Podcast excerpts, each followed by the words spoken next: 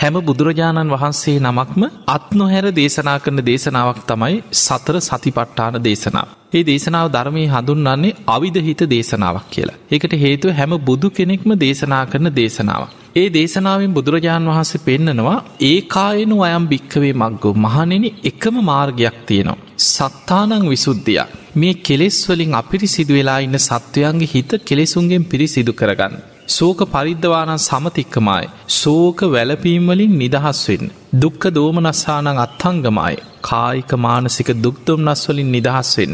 නිබ්බානස්ස සච්චිකිරයා නිවන සාක්ෂාත් කරගන්න එකම මාර්ගයක් තියෙනවා ඒ තමයි යදිදං චත්තාරෝ සතිපට්ටාන. එමනම් මේ සතර සතිපට්ඨානි තමයි අපිට හිත පිරිසිදු කරගන්න කෙලිසුන්ගේ නිදහස්වෙන්න දුක් දුම්න්නස්වලින් නිදහස්වෙන්න නිවන සාක්ෂාත් කරගන්න තියෙන එකම මාර්ගය හැටියට බුදුරජාණන් වහන්සේ පෙන්නුවෙන්. දැන් අපි ගත්තොත් අපේ හිතට තියෙන රැකවරණ. දැන් අපේ කය මොන තරං උපක්‍රම යෙදුවත් මේ කය දියුණු කරලා කය බොහෝ කාලයක් තියාගන්න බෑ. කය කොච්චර උපක්‍රම යෙදුවත් වයිසට යනවා අපි කවුරුත් වයිසට යනවා අපේ බුදුරජාණන් වහන්සේත් වයිසට ගිය. බුදුරජාණන් වහන්සේම ආනන්ද හාමුදුරන්ට දේශනා කරනවා ආනන්දේ දැන් තතාගතයන් බුදුරජාණන් වහන්සේගේ ශරීරය හරියට ජග්ගර සකටන් කියන දිරාපු කරත්තයක් වගේ කියන. එතකොට උන්වහන්සේ අවුරුදු අසුවක් ආසන්න වේගෙන එනකොට පිරිනිවන් පාන කාල වෙනකොට උන්වහන්සේගේ වයෝෘද්ධ ලක්ෂණ පහළ වෙලා තියෙන. ඊළඟට බුදුරජාණන් වහන්සේත් ලෙඩ වුණා. මේ කය දරාගත්ත කවුරුත් ලෙඩ වෙන එක වලක්වන්න පුළුවන්කමක් නෑ. හැබැයි අපි හිත දියුණු කරගෙන නැත්නම්.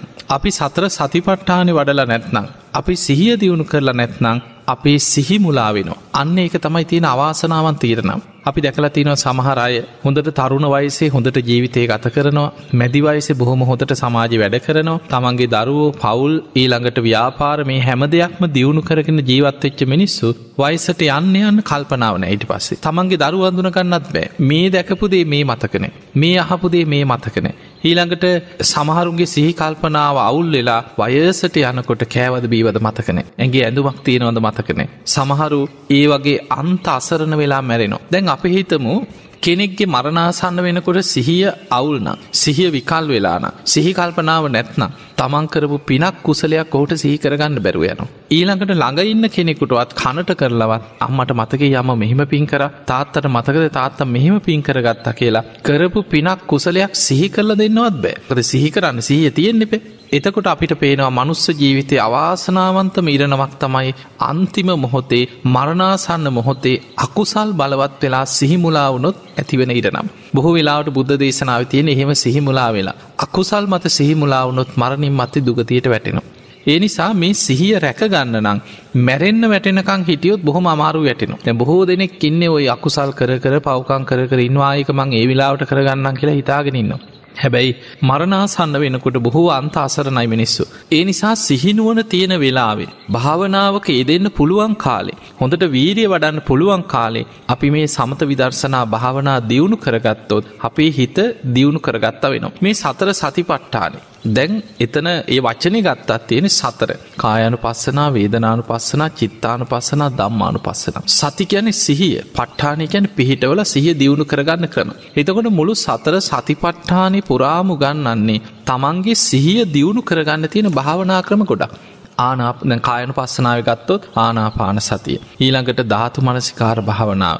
කායගතා සති අපි කෙන එක පිළිකුල් භාවනාව අසුභ භාවනාව මොන නමින් කිවත් කායගතා සති භාවනාව. ඉරියව් ඔස්සේ සිහිය පිහිටවන්න පුළ ඉරියාපත භාවනාව. සම්පජන්‍ය භාවනාව නව සීවතික භාවනා. මේ වගේ භාවනා ක්‍රම ගණනාවක් පෙන්න්න මේ හැම භාවනා ක්‍රමයකින්ම වෙන්නේ අපේ ශරීරය මුල් කරගෙන සිහිය පිහිටෝල සිහිය දියුණු කරගන්න ක්‍රම. ඊළඟට වේදනාර පස්සන අපේ මේ ඇස කණනාසේ දිවකයි මනසකෙන ආයතන හය තුළම ඉස්පර්සයෙන් ඇතිවන විඳීම තුළ හිත පිහිටෝලා හොඳට සිහියෙන් සිහිය දියුණු කරගන්න පුළුවන් තවත් ක්‍රමයක් වෙන එකටිකෙන වේදනානු පස්සන ඊළඟට අපේ හිත දිහා සිහියෙන් බලාගෙන එන හැම සිතුවිල්ලක් දයාම සිහියෙන් සිහියෙන් දකිමින් ඒ හිතේ ස්භාවය මනාකොට අවබෝධ කරගන්න ඒ තුළ සිහිය දියුණු වෙන ක්‍රමය. ඒකටගෙන චිත්තානු පස්සනා ඊළඟට දම්මානු පස්සනාව යටතේ කොටස් ගොඩක් තියෙන ඒක අනිත්‍ය දුක්ඛානාත්ම මේ ත්‍රිලක්ෂණය ධර්මාවබෝධයට උපකාර වෙන කොටස තමයි දම්මානු පස්සනාව තින විදර්ශනා පැත් පංචු උපාදානස්කන්දේ ආයතනහය සප්ත බොජ්ජංග චතුරාරි සත්‍යය මේ කොටස් නුවනින් විමසලා ඒ තුළ සිහිය නුවන තමයි වැඩෙන් ධර්මාවබෝධයට හිතක් වැඩෙන. එදකුණ මේ සතර සතිපට්ටානේ අපේ ජීවිතය අංගයක් කරගෙන අපි ටික ටික හරි පුරුදු කරගත්තේ නැත්නං බොහෝ වෙලාවට අර අවාසනාවන් තීර නමට අත්වෙන්න පුළුවන්. සිහිය මුලා වෙන. බොහෝ වෙලාවට අපි දකිනවා එහෙම හිත දියුණු කරලා නැත්නං බොහෝ දෙනෙකුට අර නීවරණවලින් හිත යටපත් වෙලා අකුසලේම තමයි හිතට ගලාගෙනෙන්. මොකද අපේ හිත පිහිටල තියෙන්නේ කුසල මූලයන් තුළ නෙමේ. හිත මේ විඤ්ඥාන පිහිටලා තියෙන අකුසල මූලයන් තුළ දැම් මිනිස්සු මේ බණහනකොට අපේ හිතේ මේ කෙලෙස් තියෙනවද නැද්ද කොහෙද තියෙන්නේ කියලවත් හොයාගන්න බැරි මට්ටමට මේ යටපත් වෙලා යනවා. හරියට අලු යට ගිනි පොකුරු වගේ තියෙන් හොයන්න බෑ කොහෙත් තියෙන්නේ කියලා හැබැයි සැනින් ඇවිසිලායන රාග අරමුණක් යොමු එච්ච ගමන් සැනින් රාග ඇවිස්සෙන. දවේශ අරමුණක් යොමු එච්ච ගනවන් සැනින් පටිගානුසේ මතුවෙන කේන්තියන. කොහොමද මේ ස්වභාවේ කොහිද තිබ්බ කියලත් හොයාගන්න බෑ. ඊළඟට එරිසියාව කුහකකම් මේ ඇතිවෙන එකට එක කිරීන් අනුන්ගේ දේවල්ලට ආසාාව ලෝභකම මේ සියලු පාපි අකුසල ධර්මයන් හිත ඇතුළේ යටපත් වෙලා තියෙනවා ඒව සැනින් මතුවෙන. මොකද හිත පිහිටලා තියෙන්නේ අකුසල මූලයන් තුළ පිහිටපු හිතක් අපි සසර අරගෙන යන්න. එතකොට මේ හිත මනාකොට දමනය කරලා සමත විදර්ශනා භාවනාව ඔස්සේ හිත පුරුදු කරලා දමනය කරලා අර කෙලෙස් යටපත් කරගෙන ප්‍රහාණය කරගන්න වැඩපිළිවලක යෙදිලා නැත්නං අර අකුසලේටම ඉඩදිදී හිතපු කෙනාට මරණාසන්න මොහොතෙත් ආ යකුසල් යටපත් කරගන්නවා කෙනෙක් කරන්න පුළුවන් දෙයක් නෙමේ.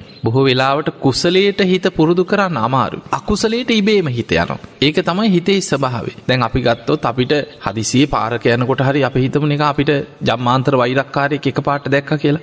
දැන් දැකපු ගමන් අපි අමුතුවෙන් මට දවේශය ඇතිවේවා ඇතිවේවා ඇතිවේවා අන්නරුයි නොදවේශය ඇතිවේවා කියලා ඇති කරගන්න නෙන අපිට දකින සැනින් කේන්ති ගිහිලා ඉවරයි. ආ අමුතුවෙන් උත්සාහ කරන්න ඔන්න අපිට කෙලෙස් සහිත අරමුණ දකිනකොටම කෙලෙස් ඇතිවෙන හැබැයි අපිට සද්ධාව ඇති කරගන්න සමත භාවනාවක් වඩන් ඊළඟට සීලේ දියුණු කරගන්න ධර්මය මෙනෙහි කරන්න ඒවට අපි ලොකු උත්සාහයක් කරගෙන තමයි මෛත්‍රිය වඩන්න වේවා. ලොකු උත්සාහයක් කරගෙන කරගත යුතු දේවල්.